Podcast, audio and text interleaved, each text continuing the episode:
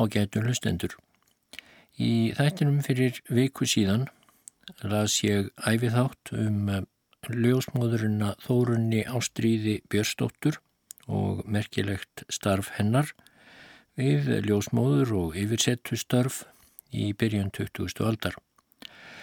Þá bóðaði ég að ég myndi í þessum þætti lesa meira um Þórunni Ástríði og glukka í nokkrar sjúkrasögur bók sem hún gaf út og þar sem hún rakti nokkrar erfiðar fæðingar sem hún annaðist um á sínum tíma.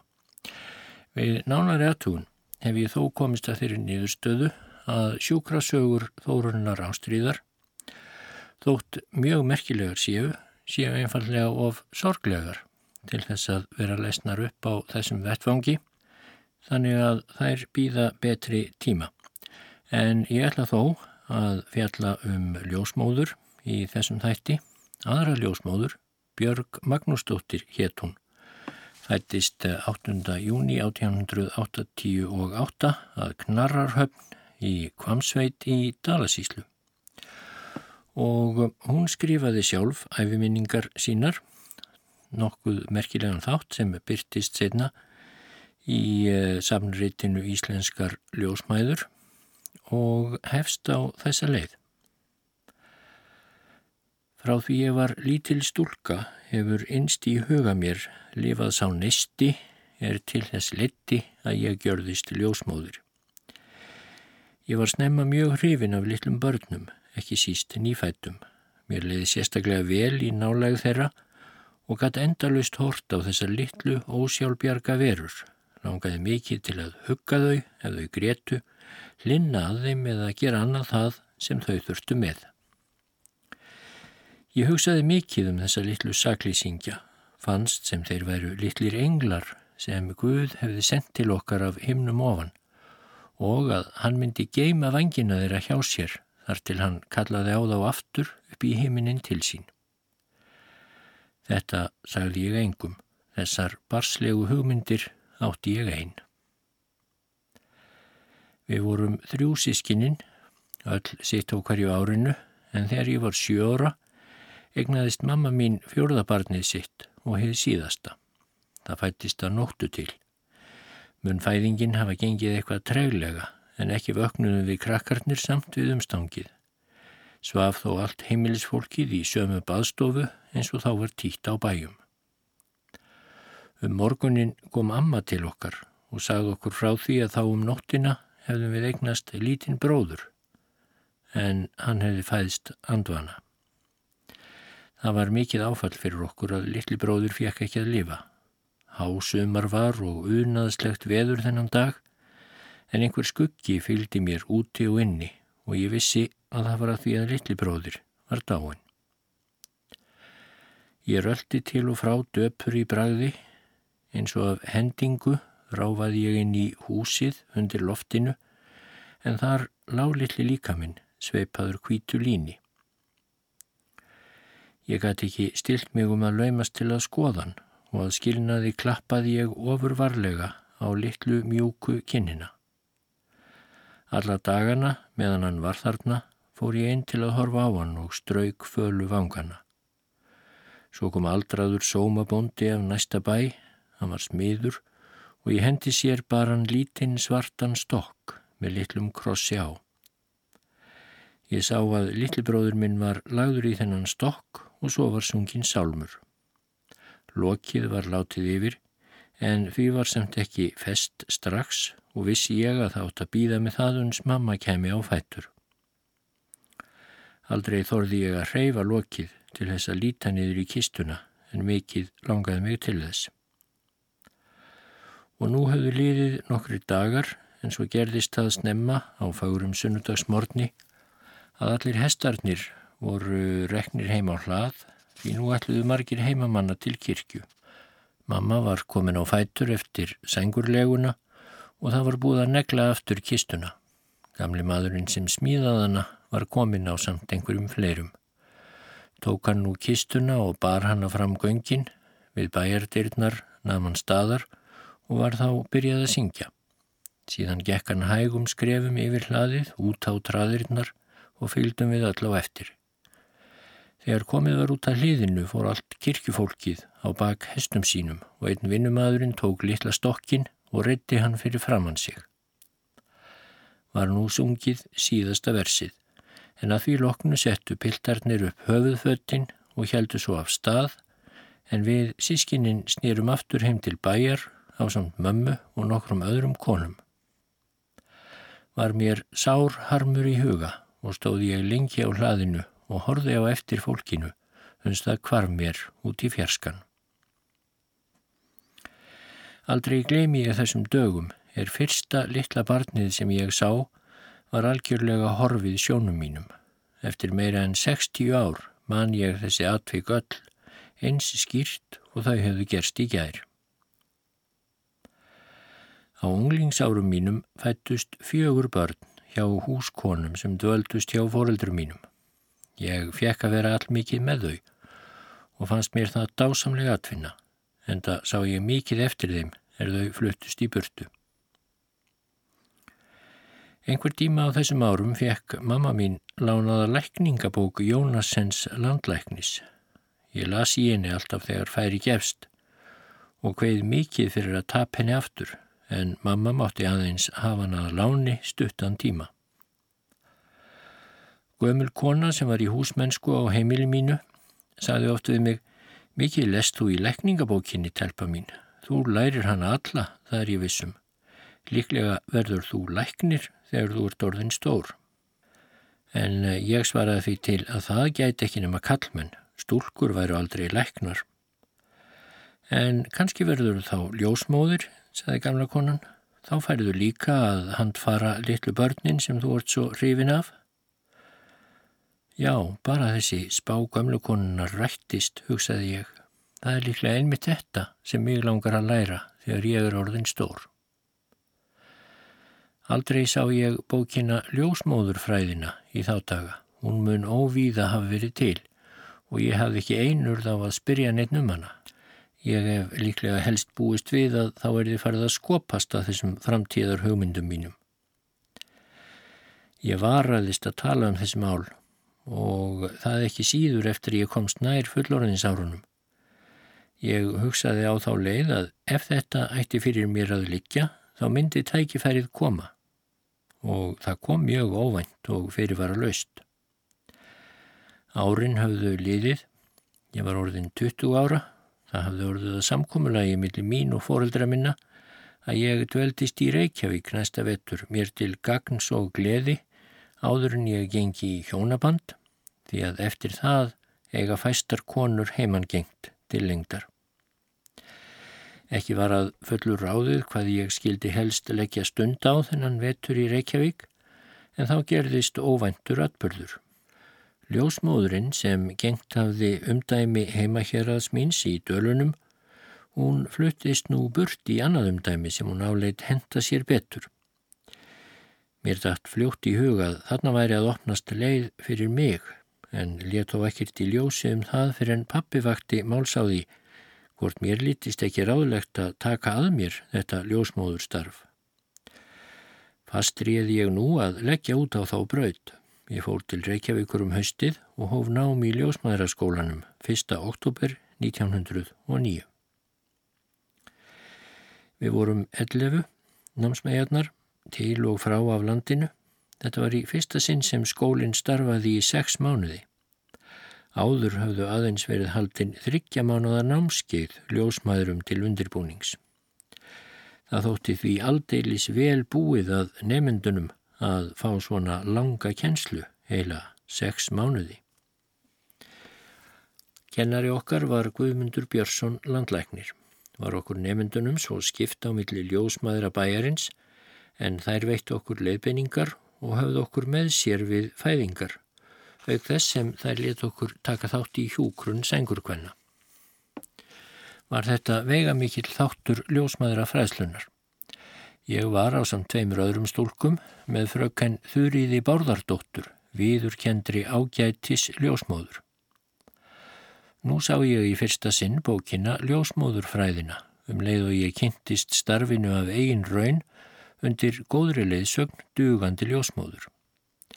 Hún let okkur alltaf vera með sér til skiptis. Fljótt var mér ljóst hver sá hinn feiknalegi aðstöðumunur var í því fólkin að vinna þetta starf, svo að segja undir handarjæðri ágætra lækna sem hægt var að kalla til og fá samstundis til hjálpar þegar eitthvað bar út af sem raunin var um ljósmæðurnar í Reykjavík. Mér var þá oft hugsað heim í sveitina mína, fremur afskekta þar sem vegir voru slæmir, ekki brú á nokkuri á, sem þó voru margar og semar hverjar illar yfirferðar, tíu til tólf stunda ferð fram og aftur til læknis. Þar að segja ef ferðin gekk sæmilega, en bæði færð og veður gatt tafið og tíminorðið miklu lengri. Þá gatt það vitanlega komið fyrir að í výðurlendu hér að því væri ekki ávalt hægt að hitta læknin heima og lengdist á enn meira í ferðinni. Komi gata líka fyrir í stórriðum að vetrarlægi úti á landi að með öllu væri ókleift að ná til læknis. Sími var þá hverki. Ég vil hugmyndin sjálf var á þeim tímum svo fjarlæg að valla gerði maður sér grein fyrir því ómetanlega gildi sem slíkt töfratæki hefur fyrir strjálar og vegalöysar byggðir en aldrei datt mér samt í hugað hætta við námið þó að ég sæi ábyrðina og ímsa örðugleika framöndan. Ég ákvaða að treysta Guði og leggja mig alla fram til að leysa þetta starf eins vel af hendi og geta mín lefði. Og áfram var haldið. Veturinn leið og er mér ekkit sérstaklega minnistætt frá honum. Allt gekk sæmilega. Síðustu dagan í mars var prófið og nú leiða því að taka við starfinu upp á eigin spýtur. Áraðanlega höfum við allar sem prófið tókum fundið að margt átum við enn ólært og að ákjósanlegt hefði verið að fá meiri æfingu í svo vandasömu starfi. En nú var það halda heim út í sveitir landsins okkar því að allar lærðum við fyrir umdæmi úti á landsbygðinni. Týndumst við svo af stað smám saman eftir því sem stóð á ferðum hver til sinna heimkynna. Ég kom heim í dalina um sumarmálin og eftir nokkra daga fekk ég skipunarbref fyrir umdæminu frá síslumanninum. Skömmu síðar kom ljósmóður taska frá héradsleikninum. Í hana vantaði þó öll meðul en ég hafði búist við að þau fylgdu. Nokkrum erfiðleikum var það böndið að abla þeirra en samt tókst að því tæka tíð. Aðeins fáum dögum eftir ég kom heim, áður en ljósmóður taskan var komin, fekk ég orð frá konu sem gekk þá með sitt sjötta barn. Að bráðum myndi hún þurfa aðstóður minnar með.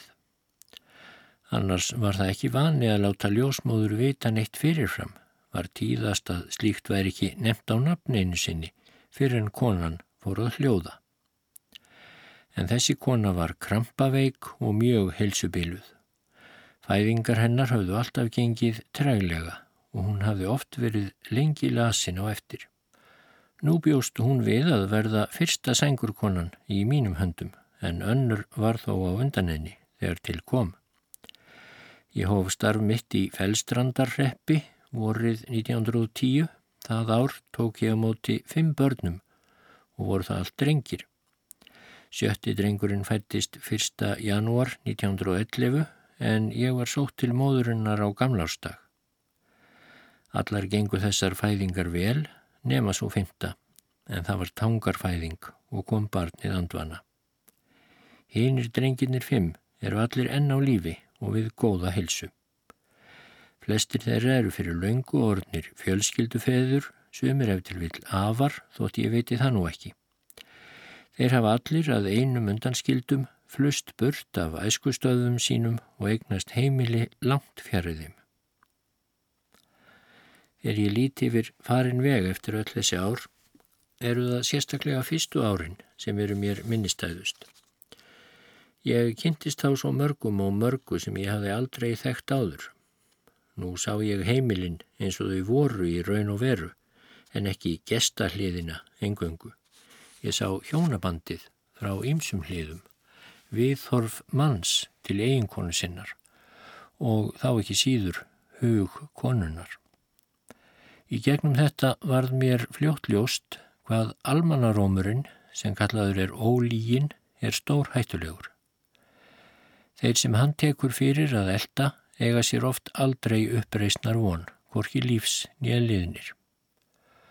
Og hefur það víst gengið svo til um óralangan aldur að almanarómurinn er oft það allra ósannasta sem til er og að eflaust sé þar sem annar staðar margar undantekningar að finna.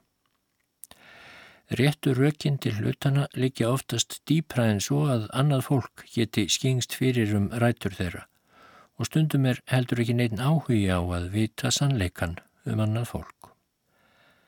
Allstaðar var mér vel tekið þessi fyrstu ár og var ég í byrjun mjög undrandi yfir því hvað sengurkonur og yfirleitt allir síndu mér mikið tröst.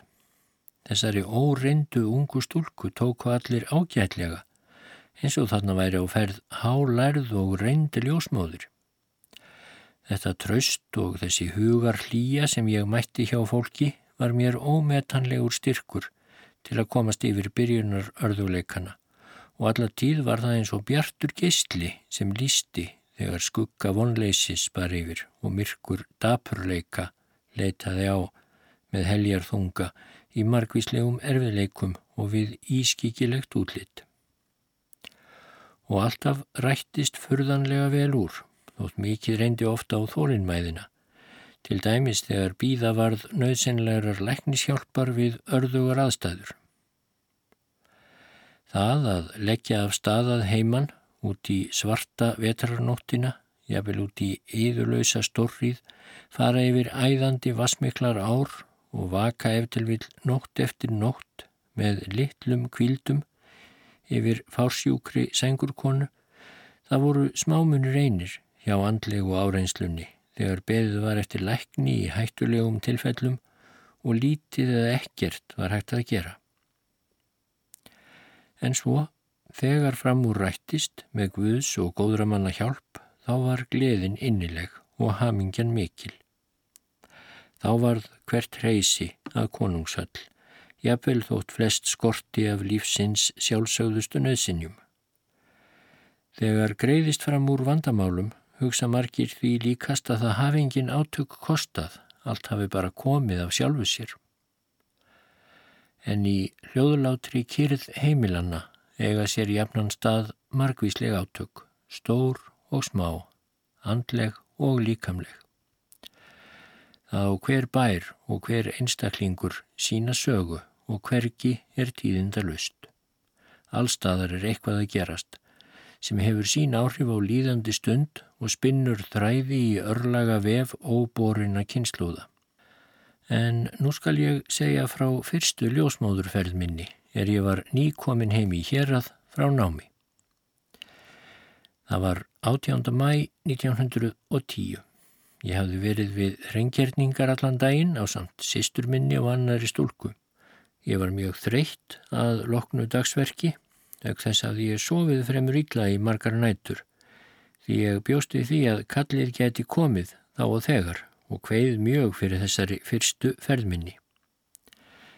Eitthvað örlítið sopnaði ég þó en vaknaði snöglega við mikil og þung högg á bæjarþýlið og um leið var kallað út í hátt að verið væri að sækja ljósmóðurina. Ég gletti mig í snatri og var á sveipstundu komin á stað með fylgdarmanninum. Hann var giftur koninni sem ég átti að sitja yfir en þau voru húshjón á Dalbæ einum, ekki mjög langt frá þar sem ég átti heima. Svona hálf tíma til þryggja stundar fjórðunga ferð í góðu veðri og færi. Í þetta sinn var ágætt veður en færðin afleitt allar brekkur fullar af snjó og sökkvandi auðrhlaup þar sem aukt var. Veturinn hafði verið mjög snjóaþungur og slæm tíð fram yfir sömarmál en nú var komin bati og snjór og klaki þýðinaði ört. Maðurinn sem sótti mig kom gangandi, hafði skilið hestin sinn eftir á næsta bæ við ána sem likur á milli bæjana, hugði hann fljótlegra að ganga svo kom ófærðarinnar. Pappi mátti ekki heyra það nefnt að ég færi fótgangandi því að yfir ána fór mikla kæmumst við alls ekki nema við hefðum sinn hestin hvort. Var það úr að hann lánaði hest, mjög traustan og góðan, en hvíðvænlegt var þó að komast með hestin yfir alla ófærðina. Svo var lagt af stað og reyndum við að fara eins hratt og auðið var, en þó fannst mér aldrei ætla að taka enda brekkurnar upp hálsin á milli bæjana. Það var engin leið að sitja hest í fylíkri ófærð og ekki tók betra við þegar upp á há hálsin kom. Þar var klaka í hlaup og uh, voru bæði við og hesturinn sífælt í hálfu kafi, jáfnvel þótt við leitumist við að þræða diggilega alla þá þúpnarana sem umvar að ræða á leið okkar. En nokkru fyrir ofanhálsin á flóainum batnaði færðin stórum. Þar var enn freðið og hægt að fara dálítið töllt þótt varasöm væri svellin, öll með sprungum og djúpum krapa elg. Bar okkur fyrðu fljótti yfir uns við komum að ánni en hún rennur örskamt fyrir neðan túnið á bænum þangað sem förin var heitið í þetta sinn. Valt hún fram flóðmikil og ströymþung og var þegar sínt að hún væri með öllu ófær á því vaði sem venjulega var farið millir bæjana. Var því ekki um annað að ræða en ríða fram með ánni þeirri vonað einhver staðar þar mætti okkur takast að komast yfir hana. Fylgdarmadur minn náði í hestin sem hann hafði skilið eftir og riðum við nú nokkuð greitt, en við urðum líka að fara langt fram eftir dalnum til að komast yfir ána. Tafði það föruna mikið og vorum við um uh, tvær klukkustundir eða rúmlega það í allri ferðinni. Þegar við komum heim á bæin, þar sem sængurkonan beigð okkar, stóð húsmóðurinn, miðaldra kona, út á hlaðinu tók hún á móti mér með blessunar óskum og bauð mig velkomna. Gengum við þegar í bæin en þar leiði vel eftir atvikum.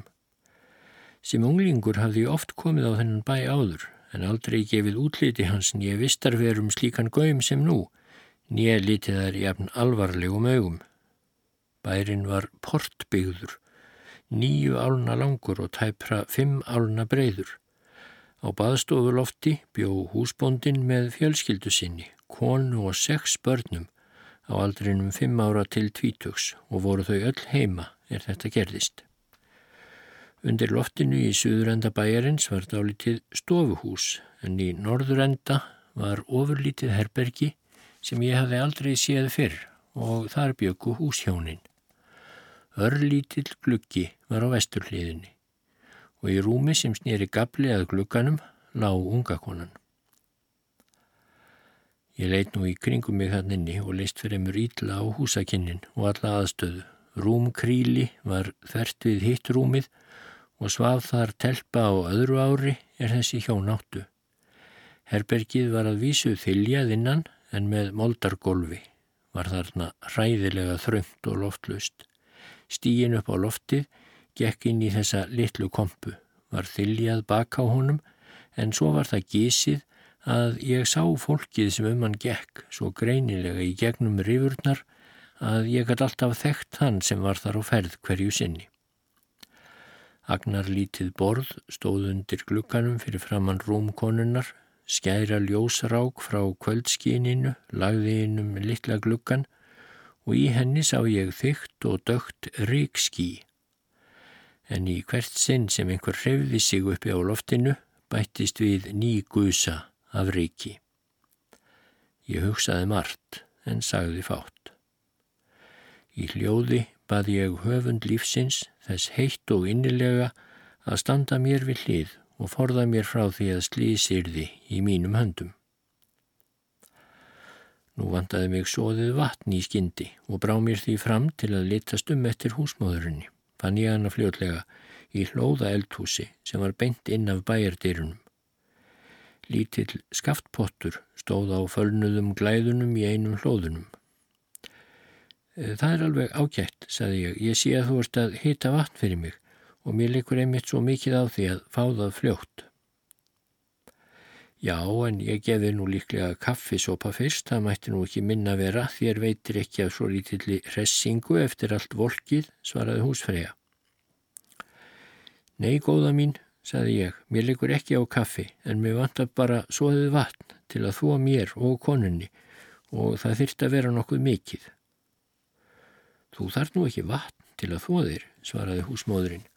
Þú sem ert alveg tandur hrein, það er svo sem engar skýta lúkur á þér sínist mér. Ég veit líka að þú hefur alls ekki háttað án þess að þó þér og konan þarna inni þóði sér í dag, það sá ég sjálf. Ég þarf nú samt sem áður að þó mér, staðhafiði ég. Ég er búin að fara langan veg og handfara óhreina beislistaumana og svo verði ég að sóttreins á mér hendurnar.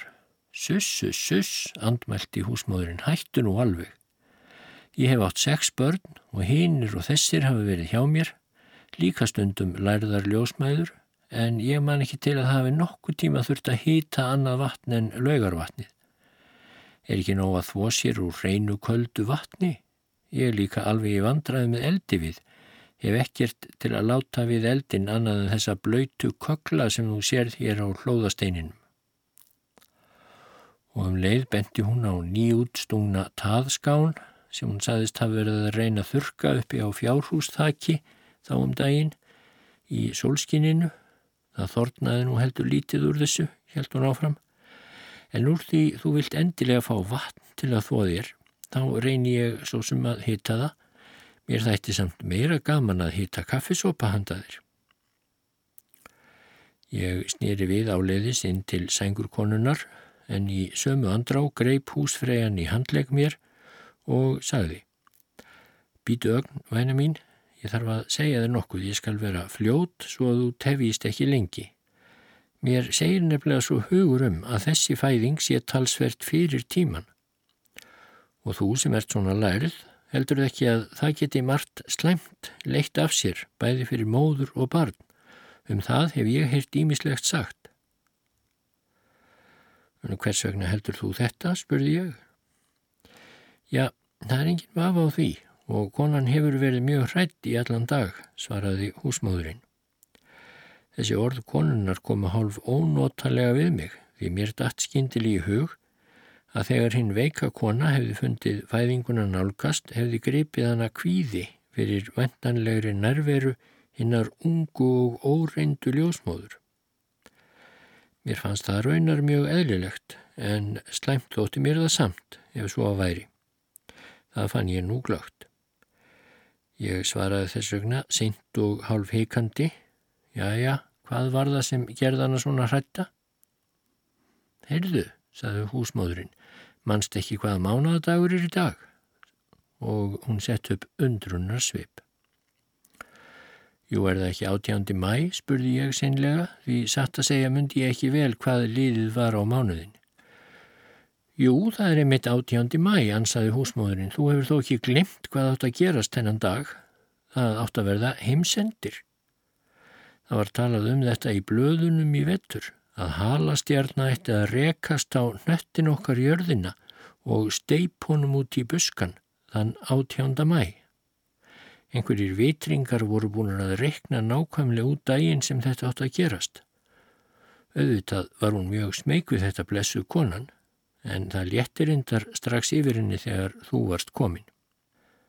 Ég var nú að játa það að allt þetta talum halastjörnu og heimsendi í sambandi við hana hafði ég marg oft hýrt talað um þá um veturinn en aldrei tekið hann eitt alvarlega og hafði þess vegna alveg glimt í. En fegin varði ég að heyra, það skal ég viðurkenna, að hræðsla ungu veikukonunar hafði ekki staðið í sambandi við hinn að ungu ljósmóður sem var að byrja starfsferil sinn einmitt á þessum hættulega og margum talaða degi. Ég náði nú í snatri í tvær litlar þvótaskálar og undirskál og þvoði þær úr sterkri lísólblöndu. Að vörmusbori kom húsmóðurinn inn með heitavatnið, sagði hún það að hafa svoðið vel, en satt að segja var ég nú heldur vantrúð á það eftir að hafa séð allar aðstæður í eldhúsinu en hér var ekki um neitt annað heitt vatn að ræða en þetta og varði ég að reyna að gera hýð besta úr öllu saman. Barnið kom í spretti og allt fór vel, en alla næstu viku svaf ég valla væran blund af ótta við það að konan fengi barsfararsótt.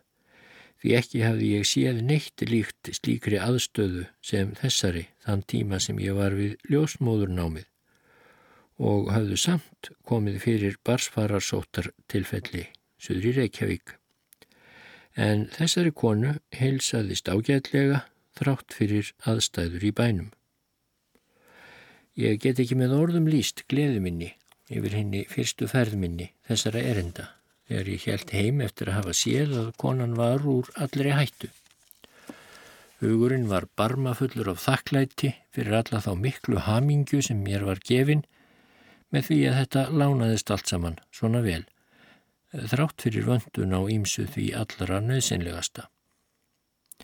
Já, það þurfti svo ofta á þeim árum að tefla á tæpasta vaðið, þó að það væri allt annað en álítlegt að gera slíkt stundum. Setna þetta sama vor komu svo ungu hjónin til kirkju með litla sónin sinn til að láta skýran og það var í fyrsta sinn sem ég held barni undir skýrin. Það var sannarlega gleði og þakkar stund en mikið var ég feimin við svo hátilega atöfn. Á þessu sama heimili tók ég á móti 14 börnum í minni ljósmóður tíð. Þar af nýju börnum í þessum sama gamla og hrörlega bæ, en þó aldrei í kompunni undir stíganum nema í þetta eina sinn. Eftir 15 ár var byggður þarna nýr bær, stór og fremur góður, í honum fættust fjögur börn, en fyrir nokkrum árum var svo byggt ágætis hús og þar fættist fjórtánda og síðasta batnið sem ég tók á móti á þessum bæ. Annars voru bæir mjög víða líkir þessum er varð fyrsti vettvangur ljósmóður starfsmýns. Bæirnir voru flestir dimmir, lekir og óþægilegir, óvíða nokkur hitunartæki í sjálfum baðstofunum. Á einstaka heimili voru litlar eldavélar, svo kalladar kamínur, sem hafðar voru bæði til hitunnar og eldunar var þá oft samfara hitanum sem þær veittumanni reykur og rík. Því eldiviðurinn var annarkvört tað eða mór sem oft var mjög lélegur að gæðum. Víða voru eldavélar undir baðstofuloftinu og þótti það mikill hitakjafi en lítil upphittun myndi það þó þykja nú á tímum því aldrei var látin loga eldur í þeim nema meðan verið var að elda matinn og gera það allra nöðsynlegasta. Þess á milli var aðeins látið lífa í þykkum mókökli sem svo var glættur til þegar næst þurft að hýtta kaffi eða elda mat. En þó að bæjarnir væru flestir líkir að gerð var útlýtt þeirra ærið misjamt. Sumar húsfæriðjörnar höfðu undra góð tök á því að hafa flest svo aðgengilegt að manni fannst bara allt í lægi eins og nú er sagt. En þegar rigningartíð gekk yfir gatt og enginn sett undir lekan svo að digði og fyrir kom að ég varð rennblöyt af lekavatni við rúmstokk fæðandi konu. Nú eftir 45 ár er öðruvísi umhorfs í sveitinu minni. Gömlubæirnir allir hortnir fyrir löngu sem betur fer og góðar byggingar hafa risið í þeirra stað, sími komin á hvern bæ og vegir mjög sæmilegir svo að víðast hvar er hægt að komast í bílum að minnstakosti þegar ekki eru miklir snjóar. Og jeppar eru nú til á mörgum bæinum, en aðeins einu sinn í ljósmóður tíð minni frá 1910 til 1951 fór ég þó báðar leiðir í jeppa.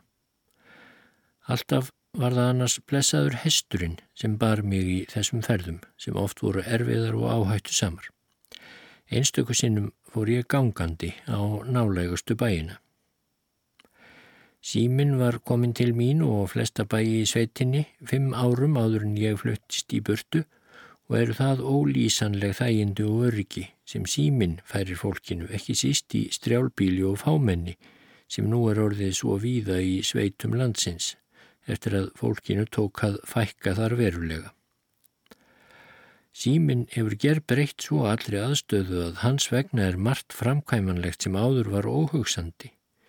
Engin sem reynt hefur slík þægindi myndi vilja missa þau eftir Ég held raunar að fáir vildu hverfa 30-40 ára aftur í tíman og búa við þau skilirði sem flestir urðu að láta sér linda á þeim tímum, þar að segja milli 1910 og 20 eða þarumbil.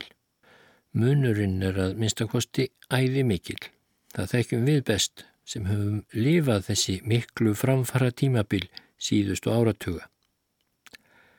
Að lokum ætla ég að segja frá einni óvenjulegri yfirsettu við ömurlegar aðstæður sem sína ljóslega við hvaða erfileika ljósmóðurinn og sveitakonan gata átt við að búa. Aðfaranóttu mánudagsins 8. februar árið 1915 kom bóndi úr næstu sveit að sækja mig. Ferðinni var heitið að dagverðarnesi Þángað hafði ég farið tvísvar áður þennan vettur í ljósmáður erindum en nú var þriðja konan á þessu heimili að eignast barn. Ég bjó mig í skyndi í þau hlýjustu skjólfödd sem völ var á því að kallt var í veðri, ofsa veður af norðri og nokkurt frost, en undanfarna daga hafði verið þýðviðri. Eftir nokkrar mínútur vorum við lögð á stað, loft var allskíjað og myrkrið svo svart sem það framast getur orðið. Færiðinn var ekki góð því að víða slapp niður úr frostskáninni en hestarnir voru tröstir og fylgdar maðurinn á getur. Ílt var að sitja á hestunum því veður ofsinn var mikill og skók mann á alla vegu og þar við bættist að öðru hverju rataði niður úr klakanum en samt reyndum við að fara rætt því að vegurinn var langur yfir 20 kílometrar og víða mjög slæmur, ár og lækir og ymsar aðrar torfærur á leiðinni sem töfðu stórlega. Sent hafði verið frá dagverðarnesi til mannsins sem sótti mig um 7-8 km leið og var sá sendibóði gangandi svo að tímin var orðin nokkuð langur frá því lagt hafði verið af stað. Ég hafði tvísvar áður verið hjá þessari konu við fæðingar og hafði þær gengið vel, en alltaf getur eitt hvað borið út af leið og uh, þó að ekki séum það að ræða þá ganga fæðingar misjaflega vel hjá sömu konu. Einhver geigur var í mér að þessu sinni, venju fremur. Mér hafði dremt erfiðlega, rétt í því að vakið var upp heima og gæti ekki losnað alveg við áhrif frá þessum slæma draumi. Raunar var ég ekki sérstaklega trúið á þess áttar, en samt fannst mér að ég hefði stundum reykið mig á þá staðrind að ekki væru allir draumar markleisa. En hvað sem því leið, þrátt fyrir rókið og myrkrið, þá bar okkur fyrðu fljótt yfir og senn var komið á leiðar enda. Bærin í dagverðarnesi var feikna stór og rúmmikill, baðstofan 12 eða 15 áluna laung og líklega 6 áluna breið. Allt var þiljað uppi á niðri, stofur í báðum endum undir loftinu og voru þær kallaðar Suðurhús og Norðurhús en bylið á milli þeirra eldavélarhús og var þaðan uppgangur á baðstofuloftið. Svo var frambygging og þar var stór stofa og lítið herbergi inn af henni. Loft var þar yfir sem notað var fyrir kemislu. Bæjardyr voru stórar og breyðar og annars vegar við þær var búr, hlóðaeldhús og gemsla sem kölluð var skáli. Þessi bær mun hafi verið reistur um eða eftir miðja 19. öldina og var á þeim tíma mikill myndar og glæsi bygging en nú var hann orðin gamal og gísin, allar þiljur, golf og loft gliðnað í sundur af elli og sliti. Eigandi jarðarinnar, Ísleifur Jónsson, bjóð þarna á samt konu sinni og átta börnum sem öll voru fyrir einan fermingu. Íð yngsta hafði fæðist þá um haustið í september. Hjá Ísleifi voru í húsmennsku þrjár fjölskyldur, tvenn ung hjón, önnur með eitt barn sem fættist í janúar þetta ár, en hín ungu hjónin áttu þrjú börn og var hið fjórða að koma í heiminn þessa nótt. En elsta barn þeirra var ekki fullra fimm ára.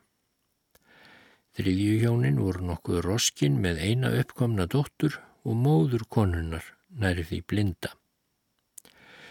Mátti segja að hún væri orðin ósjálfbjarga þótt hún hefði fótavist en orðin fjör gömul og komin að fótum fram.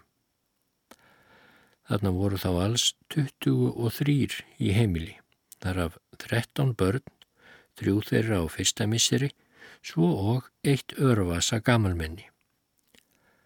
Klukkan var sjö að morgni er við komum út að dagverðarnesi en klukkan var hálf fimm er við lögðum frá heimili mínu á staðarfelli. Höfðum við því verið hálfa þriðju stund á leiðinni og þótti það raunar hratt farið um hánótt í svarta myrkri og roki. Kona Ísleifs tók á móti mér svo elskulega og vel eins og hún væri móður mín, tók við öllum mínum skjólfötum, klútum, sjölum, vettlingum, reyðfötum, svip og öðrum útbúnaði og setti til geimslu. Ég var nú aðeins klætt þunnum fatnaði til þess ætluðum að sinna sengurkonum í húsum inni. Okkur óraði ekki mikið fyrir því þá sem þó var á næstu grössum. Ég fór inn í norðurhúsið en þar var konan sem ég átti aðstóða í þetta sinn. Barnið var fætt og leiði vel eftir atvikum en eftir var að hlinna að því og konunni. Það var nóg til af soðinu vatni og rjúkandi kaffi stóð á borðum, handa mér og feildarmanninum og fengum við okkur hressingu í snatri. Að því loknu tók ég umsvega löst til starfa en feildarmadurinn kvatti og gekk út á svont manni konunar og vissi ég ekki annað en að hann væri samstundis lagður á stað heim til sín. Ung stúlka sem var þessum hjónum til aðstóðar og meðan konan var frá störfum satt skamt frá mér og var að klæða barna á öðru ári. Telpa á fymta ári var þar hjá henni, komin í eitthvað af föttum. Drengur þryggjára svaf í rúmi rétt hjá, en nýfæta barnið lág fyrir ofan móður sína. Ég var búin að taka allt sem ég þurfti að nota upp úr töskunni minni og láð það á borðinu við glukkan en ég var nú vel á veg komin með að laga kringum sengurkonuna. Þegar pildarnir gengu út frá kaffinu hafði ég af hendingu litið fram í eldhúsið og séð að þar var reykur. Hugsaði ég með mér að slegið hefði nýður í eldavélina í veðurófsanum. Slíkt var svo vanalegt þó að minna gengi á fyrir vindinum en í þetta sinn og reykjar eimur í þá daga var svo að segja daglegur viðburður. Eitthvað hafði ég þó orð á þessu við stúlkunna sem var þarna hjá mér en hún ansaði í litlu. Leið nú örstuðt stund. Heyrðum við þá að komið varað glugganum sem var nærrið því niður við jörð og kallað með æfisgengnum ofsa Ef þið viljið lífi halda þá flítið ykkur út því bærin stendur í ljósum loga. Þetta var einn heimamanna og var hann jafnskjótt þotin eitthvað burt. Ég var alveg hiss á því hvað þetta var ógætnislega sagt þar sem svona stóð á en skiljanlegt var það þó að margur missi stjórn á orðum og gerðum við minni áföll en þarna var í uppsiklingu. Konan reys upp í rúminu með skjelvingarsvip og rópaði bjargið börnunum í Guðs bænum. Ég reyndað róana og saðist alltaf geta trúa því að svona væri komið, þar sem mér hefði ekki verið sagt frá svo alvarlegri hættu. En síðar fekk ég að vita að svo snögglega hefði þetta gerst að kviknaði í að engin tími hefði unnist til að gera neinar ráðstafanir. Konan lagðist út af aftur en það skipti engum tógum að maður hennar komað glukkanum og staðfesti þessa voða frétt og varða að vinda bráðan buga því að koma henni og börnunum út. Við hjálpuðum stað við að brjóta glukkan og kifti hann postinum út með einu handtæki því allt var hætt orði fúið og létt fljótt undan. Kom nú þarna að feildarmadur minn. Hafði hann þá aldrei lagt af stað því eldsins varð vart um það leiti sem hann var að leggja upp. Konan var síðan tekin upp í rúmföttunum og reyndum við þessi þrjú í saminningu að koma henni út um glukkan. Gekk það vel því að glukkin var stór og látt yfir jörð. Því næst tók ég nýfætabarnið og drengin sem svaf og fór við nú all á samt stúlkunni og hinum börnunum tveimur út um þennan sama glukka. þá logaði öll þekjan á bænum, en seinast kveiknaði samt í norðurendanum þar sem við vorum. Var nú haldið með konuna og börnin í litla fjóslöðu sem var nokkra faðma frá bænum. Konan var lögð þar í litla geil við heistappa og var þar svo þröngt að valla var hægt að leggja börnin frá sér. Hittan frá bálinu lagði þá óþægilega á okkur og eldstólparnir blöstu við augum. Reyndi ég af fremsta megni að skikja á þá sín vegna konunar. Af einhverjum ástæðum var þarna engin hurð sjáanleg. Líklega hefur hún verið laus og aðeins lögð fyrir dittnar venjulega. Ég var mjög kvíðandi um hag konunar og barnana sem öll voru á svo ungum aldri og sögum alveg nakin. Ég hafði meitt mig dálitið á hendi þegar ég braut gluggan og blætti mikið úr. Var það til óþæginda þar sem ég gerði blóðugt allt sem ég snerti á reyfi ég stikki úr svöndunum minni og batt um meðslinn og var þá allt í bestalagi með það. Mér var nú litið í áttinað bænum og sá að verið var að henda einhverju út úr herberginu sem við höfðum verið í. Kom mér þá til hugar að freysta þess að ná í töskuna mína. Mundi að hún var skamt frá glukkanum en í henni var ímislegt sem orðið gatað liði til dæmis meðul til hressingar konunni og fleira. Ég let nú stúlkunni eftir börnin og hljópi hendingskasti að glukkanum. Þar voru þessir tveir menn sem borið höfðu konuna út að kasta út að rúmfatnaði og fleiru. Ég sá aðeins glóra í töskuna mína á gólfinu og náði henni við íllan leik. Varði ég allshugar fegin yfir að hafa þó náð töskunni því að lítið var betra en ekki neitt í allsleisinu sem nú var sjáanlegt framundan. Í töskunni átti ég stórt glas fullt af hoffmannsdrópum en þeir eruðu mörgum nokkur hressing síðar að dreipa á í kuldanum.